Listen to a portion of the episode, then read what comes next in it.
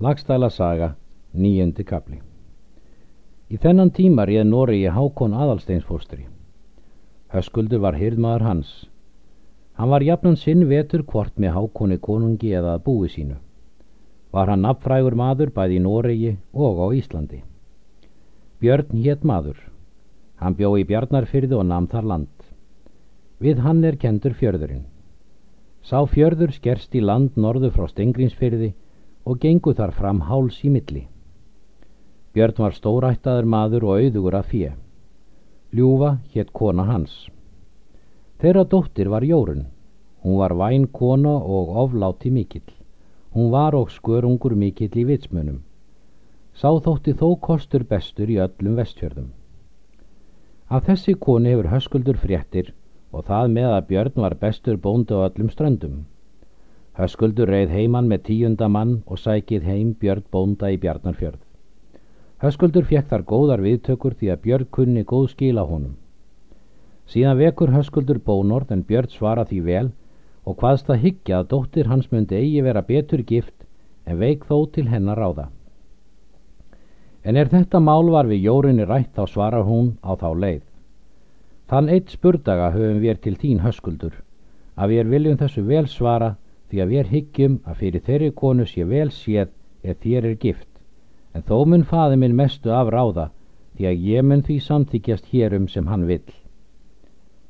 En hvort sem að þessum málum var setið lengur eða skemur, þá var það afráðið að jórun var föstnuð höskuldi með miklu fjö. Skildi brullaupp það vera á höskuldstöðum. Rýður höskuldur nú í brott við svo búið og heim til búsíns og er nú heima til þess er búið þetta skildi vera sækir Björn norðan til bóðsins með fríðu föruneyti. Höskuldur hefur og marga fyrirbóðsmenn, bæði vini sín og frændur og er veistla þessi hins skörulegasta. En er veistluna þraut þá fer hver heim til sinna heimkynna með góðri vináttu og sæmilegum gjöfum. Jórun Bjarnardóttir situr eftir á höskuldstöðum og teku við búsum síslu með höskuldi. Var það brátt auðsætt á hennar högum að hún myndi vera vitur og vel að sér og margt vel kunnandi og heldur skapstór jafnan. Vel var um samfarar þeirra höskulds og ekki margt kvestaslega. Höskuldur gerist nú höfðingi mikill. Hann var ríkur og kappsamur og skortir eigi fjö. Þótti hann í engan stað minni fyrir sér en kollur fadur hans. Höskuldur og Jórun höfðu eigi lengi ásamt verir, áður en þeim var barna auðið. Svon þeirra var nefndu Þorleikur. Hann var elstur barna þeirra. Annar hétt Bárður.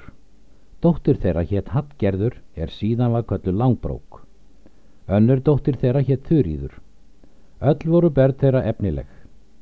Þorleikur var mikill maður og sterkur og hinn sínilegasti, fálátur og óþýður.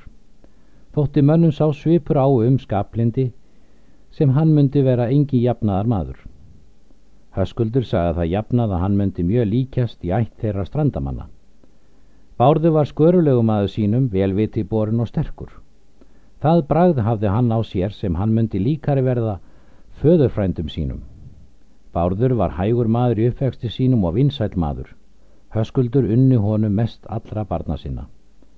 Stóð nú ráðahagur Höskulds með miklum blóm á virðingu. Þennan tíma gifti Höskuldur gró sýstur sína véleifi gamla. Þeirra són var hólmgöngu bersi.